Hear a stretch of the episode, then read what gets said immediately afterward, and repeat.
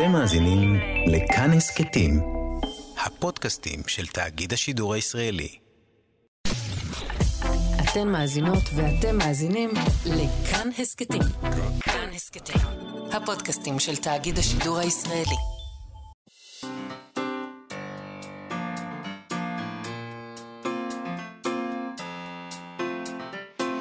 מה שכרוך עם יובל אביבי ומה יעשה לה.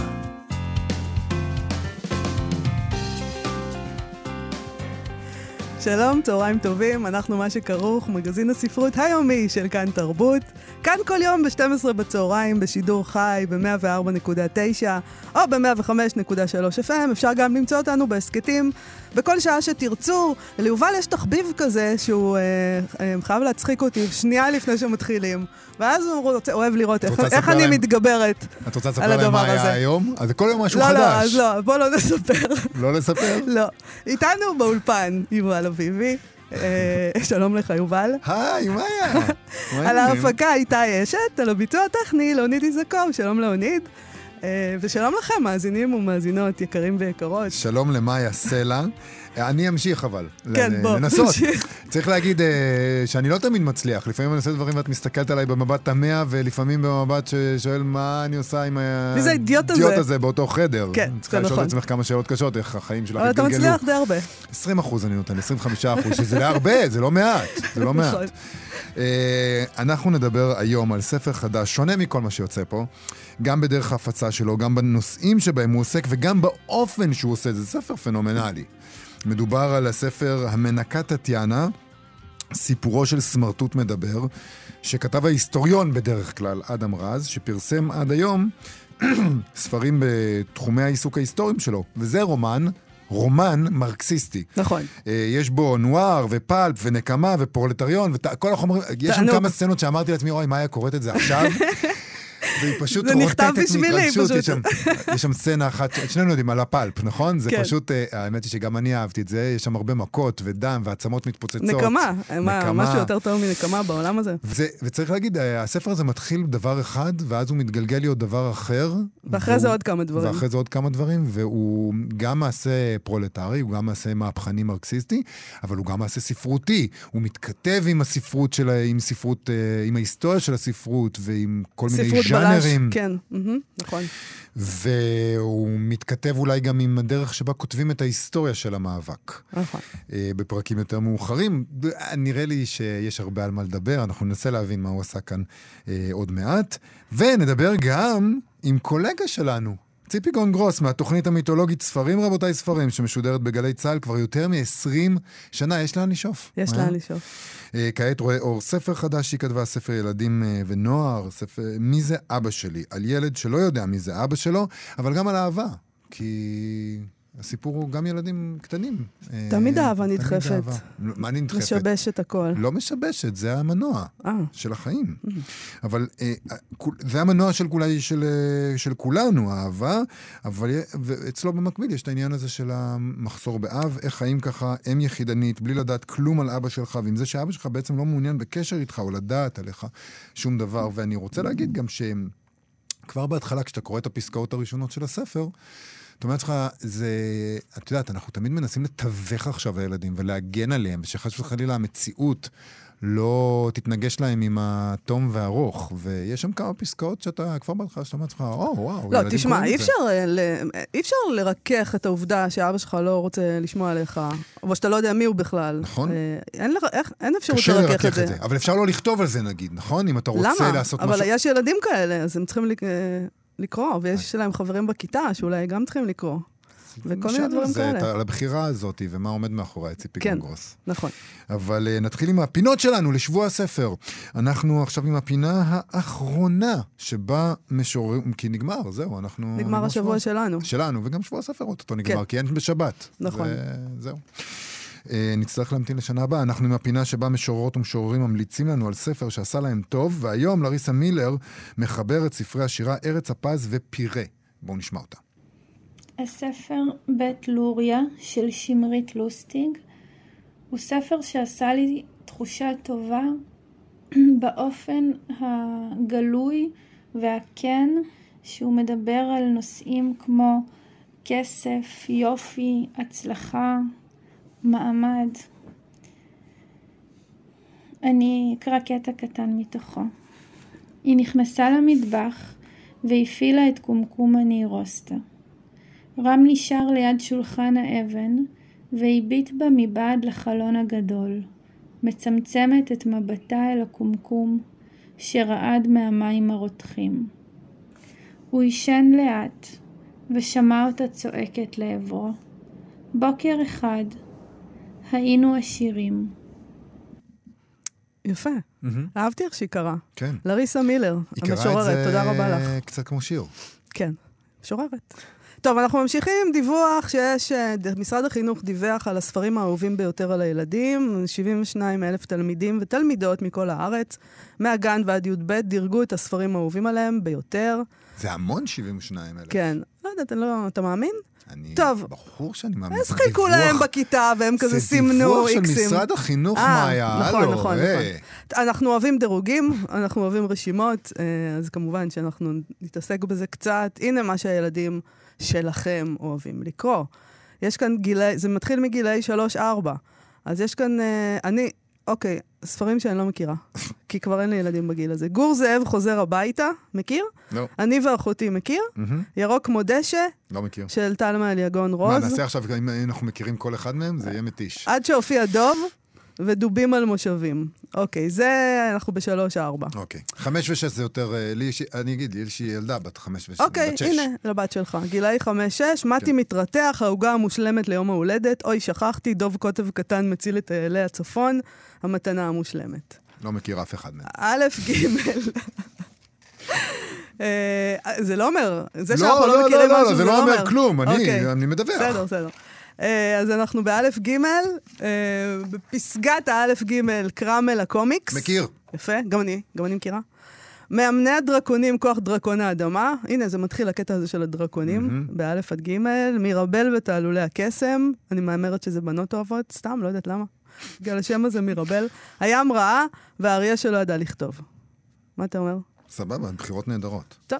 אז אה, לעבור לד' ו', נעבור? ד'- כן, ד' ו' זה, זה, זה גם מעניין אותי, כי יש לי גם ילד בתחום הגילאים הזה. Mm. את מבינה עד כמה הצר עולמי? אני אומר לעצמי, בואו נראה מה קורה רק, רק, אתה פשוט רק... אומר את האמת שהיא אמת שהיא נכונה לכולנו, אבל חושב- אנשים לא מעזים להגיד. לא. כל מה שמעניין אותנו באמת זה הילדים שלנו. נכון. זה בסדר. כן. כן, ככה זה. ילדים של אחרים לא מעניינים אותי בכלל, אבל. כאילו, צריך להיות משהו, הוא צריך להיות עשוי מזהב כדי שאני אשים אליו לב בכלל. לא, באופן עקרוני, אתה אדם כזה שאומר, הייתי שמח אם כל הילדים בעולם, נגיד, לא היה ילדים עניים בעולם, נכון? אה, בוודאי, אני. מאחל לכל הילדים כל טוב, אני לא מאחל להם רע, הם פשוט לא מעניינים אותי. אוקיי. בקושי אנחנו מצליחים להתעניין בשלנו, כן, זה. מספיק עבודה. את יודעת נכון. מה אני אומר על הילדים, נכון? אני אומר שזה כמו מזג האוויר כשאתה נוסע ב- ב- לארצות הברית, נגיד, אה, כשאתה בחורף. אז אומרים לך, בניו יורק, נגיד, אומרים לך שזה מינוס שתי מעלות, ואתה אומר, אה, אוקיי, מינוס שתיים, זה סביר, אבל אומרים לך, אה, אבל יש wind factor. אז זה מרגיש כמו מינוס 15. ככה זה ילדים. יש להם wind factor. אה, והם מרגישים כמו. מינוס- מינוס יש לך 15. שניים, אבל אתה מרגיש כאילו יש לך 15. אוקיי. אמ, אז ד' עד ו', יומנו של חנון כליאה גורלית. טוב, מי לא מכיר את יומנו של חנון? נכון. די, זה תופעה כלל עולמית. כאן אנחנו חוזרים לדרקונים, הנסיך הדרקון, הספר הראשון, ירח, הטיליון המוזהב, זה הספר הבא, הצילום שהציל אותנו, והחיים על פי ינון. בזין עד ט' אוהבים את בת המעמקים, האישה ששינתה את אמריקה. חופים של סודות, הארי פוטר, או, סוף או, סוף הארי פוטר הגיע, יא מעניין שהוא. לא היה עד עכשיו. ממש. הארי פוטר. עכשיו, הארי פוטר צריך להגיע, מגיע, ב... זין- צריך להגיד, זין מגיע. בזין ט', זה... זה מתחילים אותו יותר מוקדם, אמורים. בטח, מהמם. בטח, ד' אה, חופשי קוראים אה, נכון. כולם. אה, הארי פוטר אמרנו, סיפור של קשף, ויהוד עד י"ב, מופלא באופן טרגי, חרמש, 1984. י' עד י"ב, 1984, כנראה מלמדים אותו או משהו. כן. זה הרי הש- אנחנו מדברים פה על אה, מצעד הספרים. אבל זה שהם הם מציינים אותו בתור אהוב עליהם, זה ספר לא קל לקריאה. נכון. השקרנית והעיר, מהמם. וממזרת. יופי. אז uh, ראיתי גם שיש שם כל מיני אמירות ב... של, של שר החינוך ומנכ"ל המשרד על מצעד הספרים, שזאת התוכנית הזאת של משרד החינוך, שאמורה לעודד ילדים לקרוא. או פנטזיה מסוג כלשהו, מהסוג הזה. זה ז'אנר הפנטזיה, כן. משרדי הממשלה. כן. אז זה הספרים שבעצם הם המומלצים של משרד החינוך. הם כן. מרכיבים שם רשימות כאלה, יש ועדה, ואז המורים עובדים עם הרשימות האלה, לפיהן הם מחליטים מה לקרוא, מה ללמד, או משהו יכול להיות כזה. שהרבה מאוד מהספרים של הרשימה הזאת זלגו בדרך פלא לתוך רשימת הספרים הכי אהובים על הילדים. זה לא בדרך פלא, פשוט אה, כשהספריות מזמינות ספרים, בהנחה שעוד יש שם ספריות, כי בהרבה בתי ספר כבר כבר אין, אין ספריות, זה נכון? מזמינים בעצם מתוך הרשימה הזאת. כן. אה, הם, הם ממליצים וכביכול הילדים קוראים, נגיד. בכל אופן, שר החינוך יואב קיש הדגיש את החשיבות שבשבוע הספר, לאור תוצאות אה, מבחן פירלס, שהראה את מצבם העגום של תלמידי ישראל בתחום השפה והקריאה, אתה יודע, אז הנה, אני לא יודעת מה הוא מדגיש, לא הבנתי מה הוא הדגיש. הוא אמר, התוכנית מעודדת את תלמידי ישראל לקרוא ספרים, להעמיק את השליטה שלהם בשפתם, להעשיר את אוצר המילים שלהם ולהרחיב את הידע שהם צוברים. אם זה ככה, אז למה זה לא מצליח? כלומר, היא המבחן- פועלת כבר הרבה שנים, התוכנית הזאת. טוב, אז תוכנית אה, מצעד הספרים מאפשרת לתלמידי הגנים ובתי הספר לצאת למסע חווייתי ומרגש בעולם אינסופי של דמיון, השראה ורוח, אמר מנכ"ל משרד החינוך אסף צלאל. באמצעות התוכנית אנו מעשירים את עולם הידע של תלמידי ישראל, את אוצר המילים שלהם ואת מיומנויות הקריאה והכתיבה. זה יסוד מעצב וחשוב בהת- בהתפתחות האישית, הנפשית והרגשית של התלמידים והתלמידים. כאילו הם חיים ביקום מקביל, לא. האנשים האלה. תראה, אם אני הייתי מנכ"ל משרד החינוך, אם מישהו. היה ממנה אותי ועושה את השגיאה אחד הזאת, לא והייתי אותה. צריכה להגיב על דברים, אז ככה מגיבים. כן. מה אתה יכול להגיד? אה, אנחנו לא מצליחים לגרום להם לקרוא, והשפה שלהם מזוויעה? הוא לא יכול להגיד את זה. כן, אז בואו נזכיר רק. אגב, השפה שלהם מזוויעה. כן. אה, בחודש מאי דווח לנו שישראל רשמה ירידה של 20 נקודות ביכולות הקריאה במחקר הזה שציינת, כן. לתלמידי כיתות ד', מהירידות החדות ביותר בקרב המדינות המפותחות. זה מה שקרה נכון. כאן. אגב, חייבים גם להגיד, אה, כאילו, למרות שאנחנו נורא רוצים אה, לטנף אה, על הממשלה, תמיד, על כל ממשלה שהיא, זה תפקיד כזה. כן. אה, כל הדבר הזה קרה בזמן הקורונה. הקורונה יש לה השפעה, הסגרים, זה שהם לא הלכו לבית ספר נכון. בעצם. אבל אז גם לכאורה מכרו לנו שילדים חזרו לקרוא. את זוכרת את השלב הזה? שאמרו לנו, אה, פתאום כולנו חזרנו לקרוא, גם הילדים שלי קוראים יותר, כי משעמם להם בבית בקורונה, וכמה אפשר לראות יוטיוב, אז הם חזרו לקרוא. יכול להיות שגם אנחנו קצת ייפינו את המציאות באותו שלב. נכון, נכון. אני רק רוצה להגיד שכאמור, לי יש ילדה שבקטגוריה 5 עד 6 וילד בקטגוריה ד' עד ו'. הם לא ילדים שלא קוראים, כל הבית ספרים, אני מצטער, אני... אה, זה, הם כל יום יוצאים למסע חווייתי ומרגש בעולם אינסופי של דמיון, השראה ורוח בספרים מסוימים. רובם לא בדברים האלה, אולי בגלל שאין לי את הרשימה הזאת, שממנה אה, אני רוכש. אוקיי. ואני רוכש ספרים אחרים לגמרי. אה, והילד שלי אף הולך... אה, אבל הם חדש. לומדים במוסדות אה, חינוך אה, רגילים, ולמוסדות האלה יש את הרשימות נכון. האלה, אתה מבין? יכול אז- להיות אבל שהילדים שלי פשוט לא מספרים לי. מה הם קוראים בבית הספר, אבל אני יודע מה הילד שלי מביא מהספרייה, הוא הולך לבית אריאלה כבר ושואל ספרים לבד. אה, אלה לא הספרים, אני לא מרוצה מהבחירות שלו גם, אבל אה, אלה לא הספרים האלה. אל כמו- תתערב, תן טוב, לו לקרוא מה שהוא רוצה, בחייך. עזוב אותו בשקט. בסדר. טוב, נגיד שוב, זה שאנחנו לא מכירים זה לא אומר כלום. נכון. המנקה טטיאנה, סיפורו של סמרטוט מדבר, זה השם של הספר החדש של אדם רז, ששום דבר בו לא רגיל. בספר, לא באדם רז.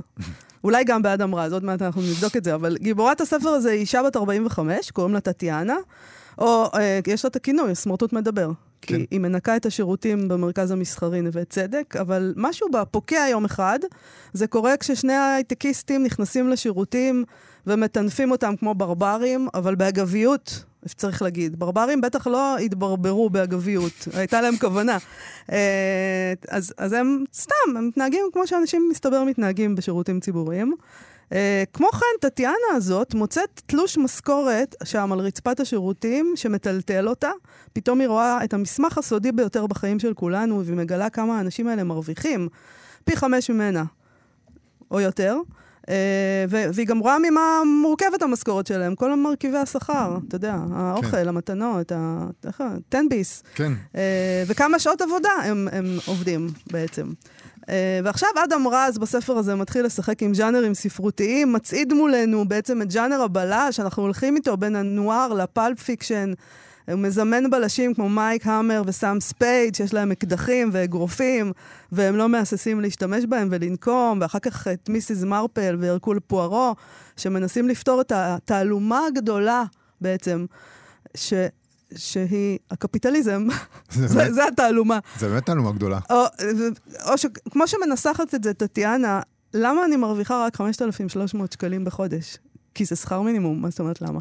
אה, אבל למה? למה אתם לא משלמים לי יותר? הספר הזה לא נמצא על המדפים, כמו שאני מבינה, אלא רק ברשת. אפשר לכתוב את השם בגוגל, המנקה טטיאנה, סיפורו של סמרטוט מדבר.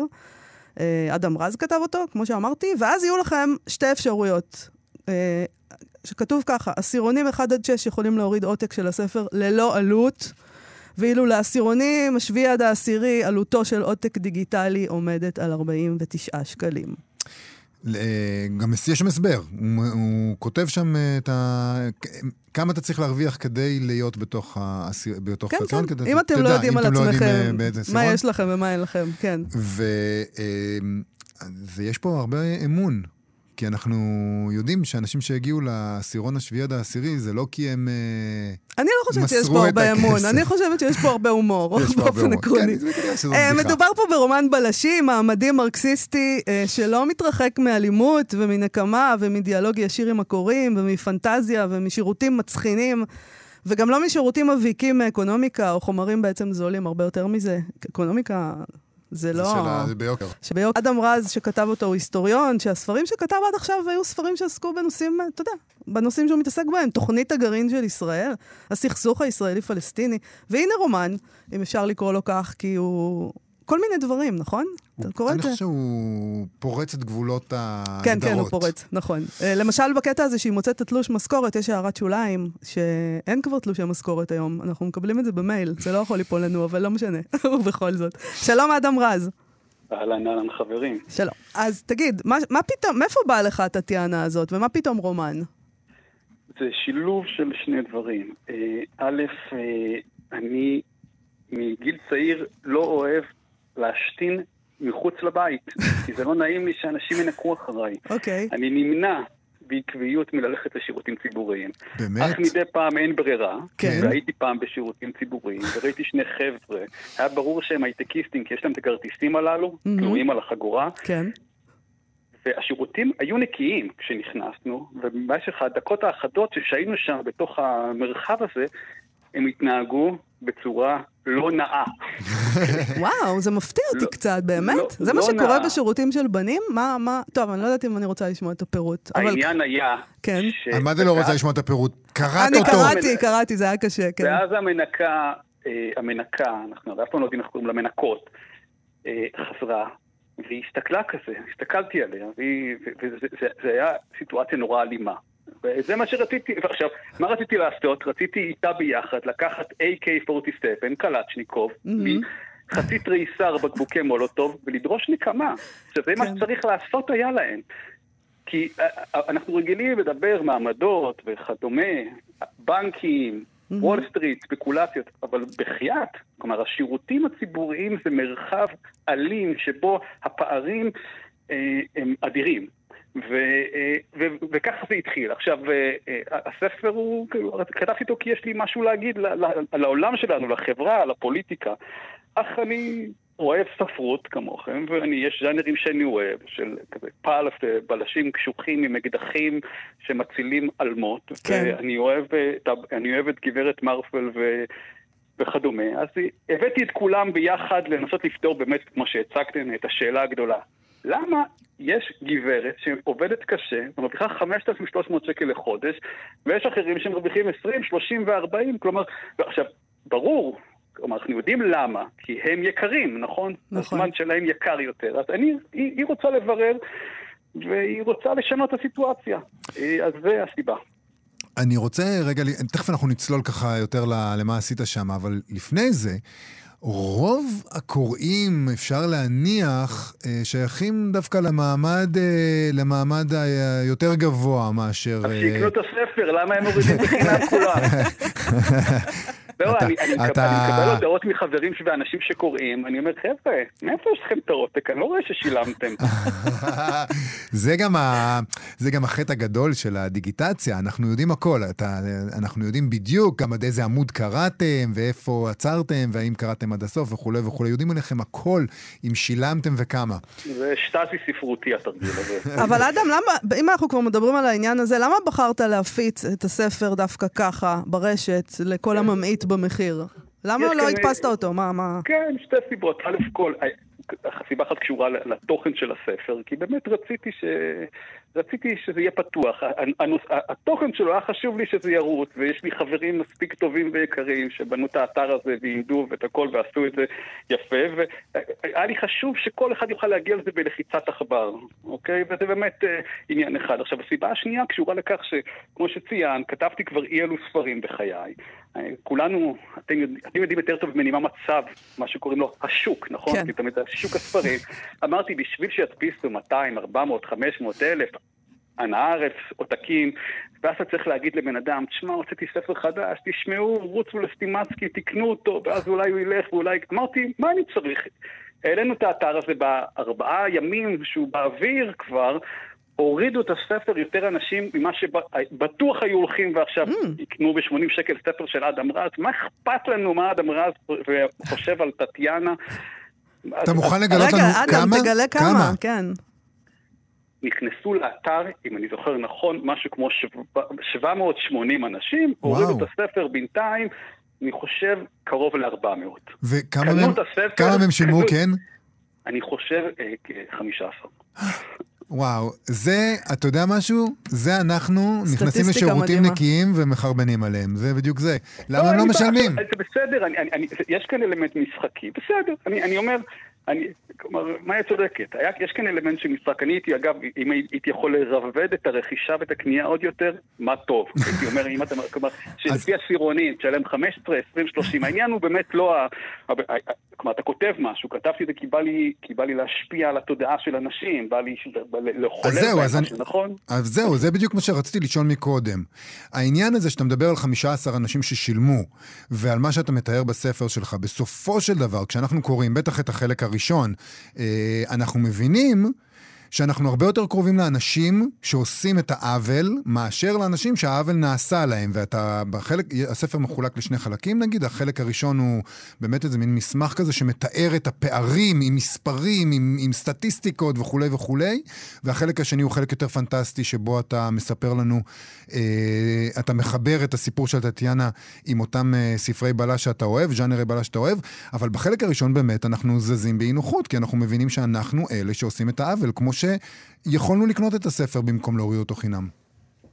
אני לא באתי לפתור את, את הבעיה של יחסים בין פרולטריון ובורגנות בספר. אני פשוט רציתי להצביע על שני דברים, אני חושב, אולי יותר, אבל זה שני דברים שיש לי בראש כרגע. אחד על ה... על, איך קוראים להם שקופים, נכון? או על ההתעלמות שלנו, אוקיי? מקבוצות שלמות שעוסקות בעבודות שמבחינתנו, מבחינת רבים הן עבודות בזויות. ויש קטעים בספר שבו, זה בעיקר הגברים לא יודעים איך קוראים למנקה, שמנקה את האסלה שלהם בבית. אני חושב סיטואציות אלימות, עם סיטואציות כואבות. והדבר השני שרציתי להצביע, ואני חושב שזה אפילו, זה, זה יותר חשוב, שהאנשים, שהטטיאנות האלה, או האינדירות שמגיעות מהודו, הפטמות שמגיעות מהמשולש לנקות לנו את הבית, וכו' וכו', יש לנו שלל לאומים וצבעים וגוונים שמנקים לנו את המרחב, הן חיות בפחד. כלומר, יש קטע, נכון, שאני אני, אני, אני מלווה את טטיאנה, היא עובדת, היא קורעת התחת בשביל 5,300 שקל בשביל לנקות שירותים ציבור, ציבוריים במקום שנקרא נווה צדק, זה קצת שישאר אותי שהוא נקרא נווה צדק. כן. היא, אז, אז היא מנקה את זה, אוקיי, והיא חוזרת הביתה לאסוף פחיות. כשאני רואה את החבר'ה שעושים פחיות, כלומר, הלב שלי מתכווץ. כלומר, זה, איזה, איזה אלימות זאת העוני הזאת. הפחד הזה שלא תוכל לקנות תרופות וכו' וכו'. עכשיו, אני לא מחדש כלום, אבל זה נראה לי... וזה מה שרציתי, הייתי אומר, לחולל בנפשו, בתודעתו של הקורא, ללוות את טטיאנה. עכשיו, מה, מה זה מנקה? מה זה לנקות שירותים ציבוריים? המילה הזאת, ארבע אותיות, מנקה, מה היא עושה? אז אני מלו... אנחנו, אנחנו מלווים את טטיאנה, את כמות הקילומטרים שהיא עושה כל יום, ואיך הרגליים שלה כואבות, וכמה אסלות היא מנקה, וכמה כיורים, ומה זה להיכנס ולצאת מכל ה... מכל השירותים, עם לעלות ולזרוק את הזבל וכדומה, וכמה קילומטר בכלל עושים שאוספים פחיות, ואיך ממירים אותם, וזה זה, זה מביך לקחת את הפחיות. אתה כותב, אדם, שאתה עשית את הניסוי הזה ואספת פחיות, זה נכון? נשבע לך. ספר, ספר על החוויה הזאת. הלכת לבדוק תחקיר בעצם לספר. כי זה מביך, נכון? כלומר, זה מביך, אנחנו לא אוספים פחיות, אנחנו נכון. יושבים בבתי קפה ושותים קפה. נכון. Okay? אוקיי? אנחנו קוראים ספרים. אמרתי, בוא אני אנסה לעשות את זה, ועשיתי באמת עם אוזניות, ועשיתי את זה בצורה... זה, זה, זה נורא נורא מביך. הילדים שלי לומדים כאן באזור, לא רציתי שיראו אותי, התביישתי, אבל אמרתי, בוא נראה כמה אפשר באמת להספיק. ב, אני קורא לזה ציד, אני, אני רואה את החבר'ה האלה ברחובות. אני, זה, זה, זה, זה נורא. אז, אז באמת עשיתי את זה מספר פעמים, ולראות כמה... כמה, כמה קילומטר אני אעשה, ספרתי, כמה זמן זה לוקח לי, ואיך אני יכול להמיר את זה. כלומר, אחרי זה למה? לקוטג', לקרטון חלב? כן. ועכשיו, זאת המציאות של אנשים, אז, אז זה מה שרציתי לעשות. כלומר, רציתי לעשות ממש ספציפיקציה אה, אה, בחייה של מנקה ב, ב, ב, אה, במהלך, במהלך יום עבודה אחד שלה. עכשיו, מה שעולה מן הדברים שאתה כותב, גם מהפנטזיות האלה של, ה, של הבלשים שבאים לעזרתה, ואחרי זה אה, הרקול פוארו, וכל הדבר הזה, אה, אני לא, אני לא יודעת, יש עניין כזה עם ספוילרים, אז מה שעולה זה שהדרך היחידה להילחם בקפיטליזם אה, היא הדרך אלימה. להילחם, כן? כמו שנקרא. רק אלימות תעבוד פה. טוב, זה, זה, זה, זה, דיון, זה, דיון, זה דיון ארוך. כלומר, קודם כל, טטיאנה מנסה לברר, כלומר, למה עושים את זה? היא עובדת של חברת uh, קבלן, אוקיי? והחברת קבלן מזכירה את שירותיה לחברת, לקניון. כלומר, אז היא מנסה לברר למה משלמים לה בכלל כל כך מעט, ובאמת, היא, ככל שהולך ומתחבר לה, אה, מה, מה אפשרי ומה לא אפשרי, זו סיטואציה עגומה מאוד. כלומר, אני, אני סוציאליסט, אני בעד איגוד מקצועי, אני בעד... צריך, צריך להילחם בעוני המנוול, צריך לצמצם את הפערים החברתיים. אך בהחלט הגישה הדומיננטית שמופיעה בחלק מהפרקים בספר היא, היא, היא גישה של טטיאנה מובילה מהפכה באחד הפרקים. נכון. היא, היא, היא, היא, היא מנהיגת עובדים שנלחמת נגד האוליגרכיה. אוקיי? היא מקימה מפלגה, אה, אה, והיא, כלומר, היא נלחמת. אז אז באמת, כאן נתתי לעצמי, הייתי אומר, אה, אה, אה, חירות ספרותית להשתעשע ולעשות מחווה לז'אנרים ספרותיים שגדלתי עליהם או שאני אוהב אותם. וטלטלת אותנו ש... מדיסטופיה לאוטופיה, ואחרי זה עוד פעם הנחתת אותנו, אני לא אגלה את הסוף, אבל... כלומר... כן. ואז ריסקת אותנו על רצפת השירותים. אתם יודעים מה הסוף של הקפיטליזם. זה, זה, זה, זה, זה המצב. אני, בוא נגיד ככה, אם הצלחתי, אם הקורא שיקרא את הספר, הקורא שתקרא אותו, אה, יתחולל בהם איזה, אה, אה, ייהנו באי נוחות, אני חושב ש... ופעם באה, שהם יורדים למטה, יגידו שלום למנקה מנקה בכביש, ברחוב, אני חושב שזה כבר, שזה כבר משהו. ולגלות חמלה, זה, זה דבר ראשון, ולגלות אה, אכפתיות למתרחש. בלי עכשיו קשר אם אנחנו אה, עושים אה, מהפכה אה, מחר בקפלן, אה, כנראה שלא. צריך אבל להגיד, אנחנו מדברים עכשיו מאוד מאוד uh, על, ה, על ההיבט הסוציולוגי ועל ההיבט ה, ה, אולי הכלכלי של הספר הזה, אבל צריך גם להגיד, בואו נגיד את זה, זה פרוזה. זה פרוזה מתוחכמת מאוד, זה פרוזה ששני החלקים של הספר עושים כל אחד בדרכו משהו מאוד מאוד שונה ממה שעושים פה בספרות, אה, וזה משהו ש... אה, לפחות אה, כקורא, אין בו הרבה, זה לא מרגיש מעושה או מלאכותי, אתה עושה דברים מאוד מאוד שונים, אבל זה נראה בלי טיפת מאמץ, בלי, לא נראה מעושה. חבל שההורים שלי בחו"ל, הם לא שומעים את מה שאתה אומר. אז זה הכל מוקלט, תשלח להם לינק, אין שום בעיה. אז תודה. זה שוב, זה כי אני, אדם, אני מיקס של, אה, כמו כולנו, מיקס של אה, ז'אנרים שאנחנו אוהבים וספרות שקראנו. אני בדרך כלל חובש את אה, כובע ההיסטוריון, וכאן ניסיתי לעשות... לעשות משהו חדש ומשהו אחר. המוטיבציה לא הייתה כאן, המוטיבציה שלי לא הייתה אומנותית. אני אה, אה, אסף שור שערך את הספר, אז, אה, אז אני, אני תמיד מדגיש לפניו. אני, אני, אני, אני כותב מסיבות פוליטיות, זה לא משנה אם זה מאמר לעיתון הארץ, זה לא משנה אם זה ספר על מה התחולל ב-48' או בכיבוש, וזה, וגם טטיאנה. כלומר, המוטיבציה היא, היא פוליטית, מבחינתי זה אותו דבר. ואני רוצה לצעוק משהו, כי יש לי משהו להגיד אותו. אפשר להקשיב, אפשר להסכים, אפשר לא להסכים, אפשר הכל. אבל מה שאתה מתאר, כלומר, הערבוב הזה, הוא, הוא, הוא, יצ, הוא יצא בטעות, ואני שמח עליו. מה, מה יותר כיף, אבל לכתוב את הספר היסטוריה על הכיבוש, או לכתוב את הספר הזה? לא, מה, ברור, בזה, זה יותר כיף. כי נראה שנהנית, זה גם נשמע הכל נורא רציני, זה באמת רציני, אבל גם די מצחיק ומשעשע מה שקורה שם. כיף חיים. כן. כל הדבר הזה שנפל עליי פתאום, אה, אה, באמצע החיים, הלכתי, הלכתי, לא תכננתי, הלכתי לספרייה העירונית בכפר סבא עירי, אה, היה לי רגע איזה זמן, ישבתי וכתבתי את המשפט הראשון, אמרתי, חמוד.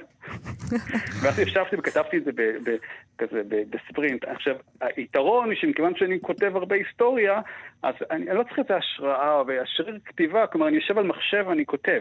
אני לא צריך פה עכשיו לחכות לאיזה מוזה. אז ישבתי, ישבתי וכתבתי את זה באמת מאוד מאוד מהר, ונהניתי, זה היה משחק. כלומר, חוויית הכתיבה הייתה חוויה מאוד מרוממת ומרגשת, שזה, זה, זה, זה, כשאני כותב היסטוריה, אז אני יושב עם מסמכים צהובים ואני בארכיונים, ופחות...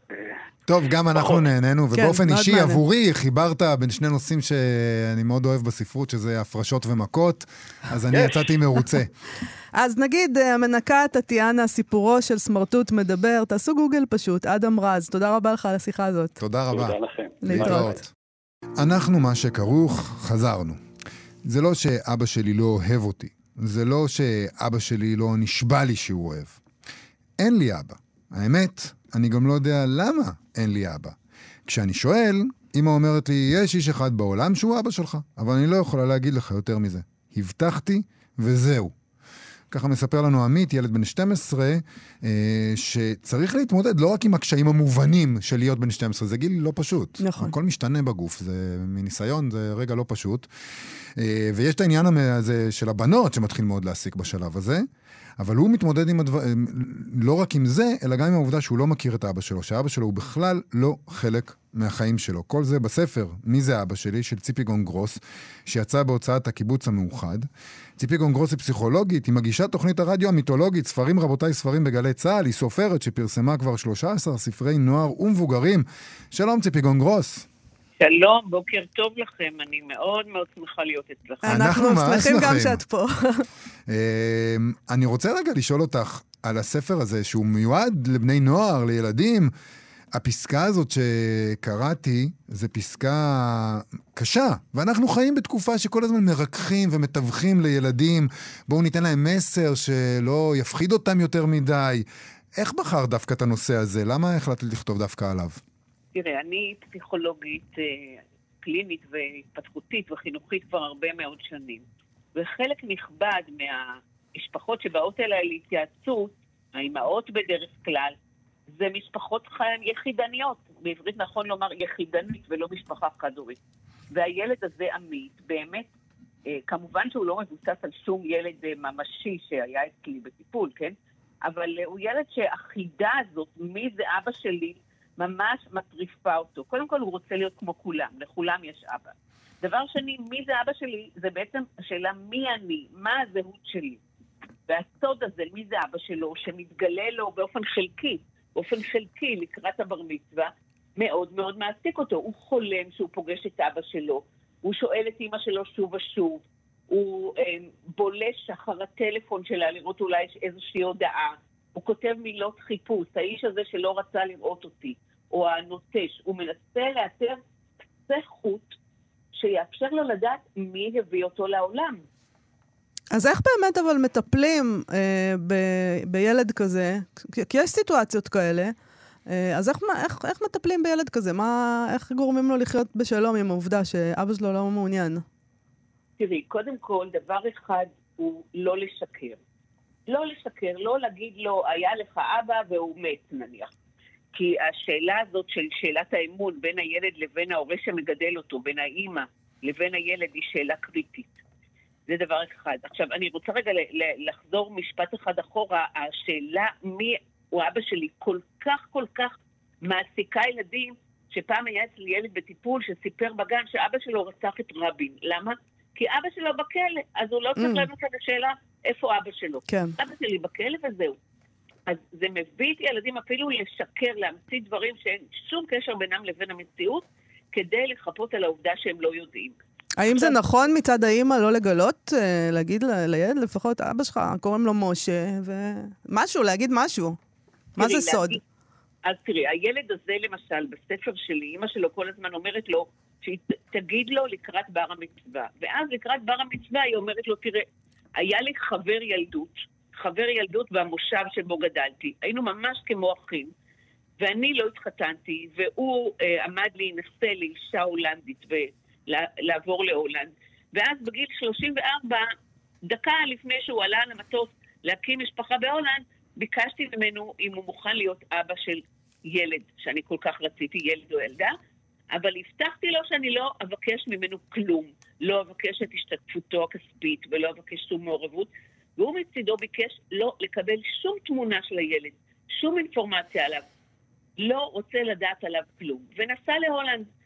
ו- ואז לקראת הבר מצווה היא מספרת לילד את הדבר הזה. זאת אומרת, היא, היא לא משקרת לו, היא אבל אומרת לו את האמת כמה שהאמת כואבת, שאבא שלו לא רוצה לשמוע עליו שום דבר. אל תשלחי לי תמונה כשהוא עלה לכיתה א', ואל תשלחי לי תמונה של השן הראשונה שלו, או היום הראשונה בגן, היום הראשון בגן, סליחה.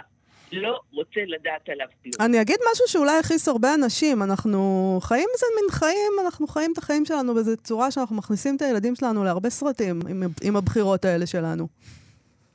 נכון, נכון. תראי, מה זה סרטים? קודם כל, היום התופעה הזאת מאוד מאוד נפוצה. בכל כיתה כמעט יש ילד שיש לו רק הורה אחד. מבחירה יש וריאציות רבות, יש הורות משותפת, ויש אה, הורות מבנק הזרע, אה, ויש הורות כמו במקרה הזה של הילד, שאימא שלו, אסנת, שאגב קצינה בצבא, אה, יצרה קשר עם חבר נעורים. יש וריאציות שונות, אבל הרבה ילדים יש להם רק הורה אחד, מגדלת אותם רק אימא שלהם. ולכן זה קצת פחות סרט, זה, זה הרבה יותר שכיח, כן? זה פחות נדיר. אני רוצה להגיד שהפסקה הזאת שקראנו, היא מגיעה רק בפרק השלישי. עד איזה שני פרקים שמתעסקים בהם במשהו אחר לגמרי. את אומרת, השאלה מי זה אבא שלה, שלי היא שאלה של זהות, אבל אני חושב שאת מחברת את זה לדבר אחר שהוא לא פחות זהות, וזה את מי אני אוהב ומי אני חושק. שני הפרקים הראשונים אה, עוסקים במשהו שמטריד את אה, עמית לא פחות מאשר מי זה אבא שלו, וזה אביגיל. אביגיל נכון. מהכיתה, היא מעסיקה אותו לא פחות, הוא, הוא אהבה. זה דבר שגם כן מגדיר אותו, לא, אולי במקביל, אולי זה העניין הזה של ההתפתחות. אין ספק, אין ספק שהוא אה, מאוד רוצה למצוא חן בעיני אביגיל, והוא מוקסם מהאפשרות שיהיה לו איזשהו קשר איתה. וזאת עלילה שמתקיימת במקביל, אבל הדבר שהכי הכי מעסיק אותו, מי זה אבא שלי. כמובן שבאמת גם יש לו קשר עם אביגיל, שהולך ומתפתח במהלך הספר, וגם יש שם קשר עם ילד אה, בעל צרכים מיוחדים, ילד פגוע, שיחד מציירים, הוא מתנדב... אה, להיות חבר שלו, הוא מגיע עם אביגיל לביתו. זאת אומרת, העלילה המרכזית היא מי אבא שלי.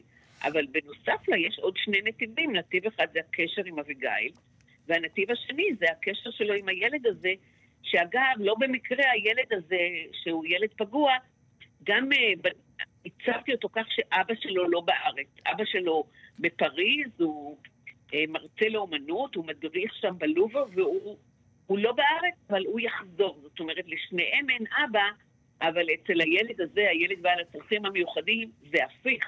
כן, גם יש לו איזה דמות אבא בכל זאת, ממשית. נכון. אולי אנחנו צריכים אבא פשוט לפעמים, כאילו, צריך להבין את זה. בכל זאת. אנחנו לא צריכים אבא, כולנו זקוקים לאבא ולחסד. כן, נכון.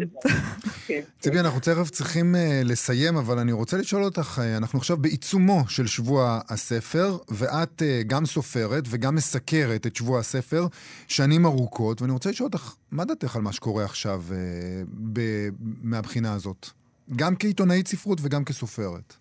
מה זאת אומרת, מה שקורה עכשיו? מצב השוק, מצב השוק נקרא לזה.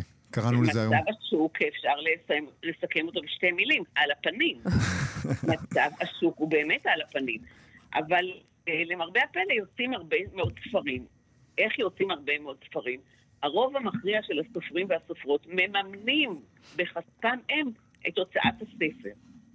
ואז אה, ההוצאות לא לוקחות שום סיכון כלכלי. אם הסופר אה, רושם צ'ק על, על 70 אלף שקל, 50 אלף שקל, טווח המחירים הוא מאוד מאוד מאוד גדול בין ההוצאות השונות, אז ההוצאה מכוסה, לכן יש פה איזו אשליה. מצד אחד נמכרים פחות ופחות ספרים. אגב, בשבוע הספר היו המון אנשים, אני הייתי פעמיים והיו המון... חתמת על ספרייך? כן. נחמד. החתימה הכי מרגשת הייתה לפני כמה ימים לילד מתוק שקוראים לו בן, ובאמת הוא לא יודע מי אבא שלו. Mm. ציפי גונגרוס, מי זה אבא שלי? יצא בהוצאת הקיבוץ המאוחד. Uh, תודה רבה לך על השיחה הזאת. ותודה לכם על הפרגון. תודה, ציפי, להתראות. להתראות. להתראות, ביי ביי. אנחנו מסיימים עם ועיקרן תחילה, הפינה שבה הספרות מגיבה לחדשות אתמול. לחדשות היום, סליחה, אבל אתמול... איזה קטע. אתמול התקיימו, זה חדשות אתמול, התקיימו הבחירות לראשות לשכת עורכי הדין. עד השנה בחירות מנומנמות שלא רבים התעניינו בהן. אה, גם לא הרבה עורכי דין התעניינו בהן, צריך להגיד, אבל השנה עם הניסיון לרפורמה במערכת המשפט הפכו לעניין מרכזי ביותר.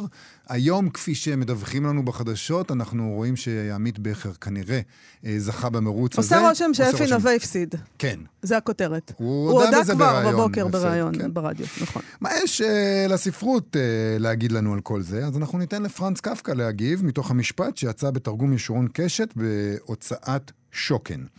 וככה הוא כותב לנו. החוק, לאמיתו של דבר, אינו מתיר את הסנגוריה בפירוש, אלא רק סובל אותה. ולא עוד, אלא שהדעות מחולקות גם בנוגע לשאלה אם בכלל אותו פסוק שבחוק יש לשמוע אפילו יחס סובלני כלפי הסנגוריה. משום כך אין כלל בעיצומו של דבר עורכי דין שבתי הדין מכיר בזכותם ללמד סנגוריה, וכל אלה שמופיעים לפני בית דין, בית דין זה כסנגורים, אינם בעצם הדבר אלא השתדלנים, פרקליטים על דעת עצמם. דבר זה משפיע כמובן להשפיל עד מאוד את כבודו של כל מעמד עורכי הדין. וקוף, כאשר ילך עוד פעם מקרב הימים ללשכות בין הדין, יכול אסור לחדר עורכי הדין ולהסתכל שם על סביבו, כדי שיעמוד על טיבו של הדבר גם מצד זה. יש לשער כי עלול הוא ממש להיבהל מפני החברה המתאספת שם. עצם החדר הצר והנמוך שהוקצה להם מוכיח על יחס הבוז הנודע להם לבני האדם, לבני אדם אלה מאת בית הדין. אין אור נכנס לתוך החדר זה, אלא דרך צוהר קטן הנמצא למעלה, בקיר. גבוה כל כך שאם אדם רוצה להביט החוצה, מיד טופח לו על פניו העשן הנפלט מן הערובה הסמוכה, נכנס לאפו ומשחיר את פניו. ובלב רצפתו של חדר זה, אם נאמר להביא עוד אך דוגמה אחת למצב השורר שם, חור פעור זה למעלה משנה. לא כשיעור שאוכל אדם ליפול כולו לתוכו, אך גדול כדי שישקע בו ברגלו האחת כולה. חדר עורכי הדין נמצא בעליית הקיר השנייה, ואם יארע אפוא ליחד ונפל באותו החור, נמצאת רגלו תלויה לו ויורדת לתוך עליית הקיר הראשונה אשר למטה. ומקומה אז בחללו של המסדרון, אשר בו הצדדים טוענים, יושבים וממתינים. ואם רגילים בחוגי עורכי הדין לציין את מצב הדברים כמחפיר, הרי אין זה משום הפרזה כלל. קובלנות שפנו בהן אל ההנהלה לא נשאו כל פרי, ובכל זאת, אסור להם לעורכי הדין באיסור חמור לעשות שינוי כלשהו במצבו של החדר על חשבון עצמם. אבל גם יחס זה לעורכי הדין הצדקתו עמו. הכוונה היא לסלק מכאן את הסנגוריה ככל האפשר, ולהעמיד את המשפט כולו על הנאשם בעצמו. נקודת ראייה לא רק כשלעצמה, ברם טעות גמורה תעזו להסיק מכאן שבבית הדין אין לו לנאשם שום צורך בעורכי דין. נהפוך הוא. דווקא לגבי בית דין זה, יש בהם צורך הרבה יותר מאשר לגבי כל בית דין אחר. ולמה? משום שמהלך המשפט בדרך כלל נשמר בסוד לא רק בפני הציבור, אלא גם בפני הנאשם. כמובן רק במידה שהדבר בגדר האפשרות. אבל מידת האפשרות הזאת גדולה היא עד מאוד. הרי גם הנאשם, מסמכי בית הדין חתומים בפניו, ואף גם זאת כי קשה מאוד להסיק מתוך החקירות על טיבם של המסמכים המשמשים להם יסוד. וביותר קשה דבר זה לנאשם, מהיותו שרוי במבוכה ונתון לכל מיני דאגות הגורמות לו פיזור נפש. והנה כאן מתחיל לו תפקידו של הפרקליט. בדרך כלל אין עורכי הדין רשאים להיות נוכחים בשעת החקירות, משום כך מוכרחים הם לחקור ולדרוש מפי הנאשם על אודות מהלך החקירות תכף ומיד לאחריהן. יפה רגע אחד קודם, בעוד הנאשם נמצא ליד דלת חדר החוקר. ומדין וחשבון זה, שלרוב הוא כבר מטושטש מאוד, שומה עליהם לשאוב את המתאים לצורכי הסנגוריה. אפס כי אין זה הדבר החשוב ביותר. כי לא רבה היא הידיעה שאפשר להשיג בדרך זו. אם כי גם כאן, כבכל עניין אחר, עשוי כמובן האיש הזריז, החרוץ ממלאכתו, להשיג ידיעות יותר מאחרים. ואף על פי כן, הדבר החשוב מכל הוא תמיד טיב קשריו האישיים של הפרקליט, כי בהם נעוץ עיקר ערכה של הסנגוריה. Hmm. עד כאן תוכניתנו להיום. תודה רבה לאיתי אשת, המפיק שלנו, וללאוניד איזקוב שעל הביצוע הטכני. בואו לבקר בעמוד הפייסבוק שלנו, אנחנו נשדר מחר את המיטב, כמו בכל יום חמישי. ונהיה פה שום ראשון גם. להתראות. להתראות. אתם מאזינים לכאן הסכתים, הפודקאסטים של תאגיד השידור הישראלי.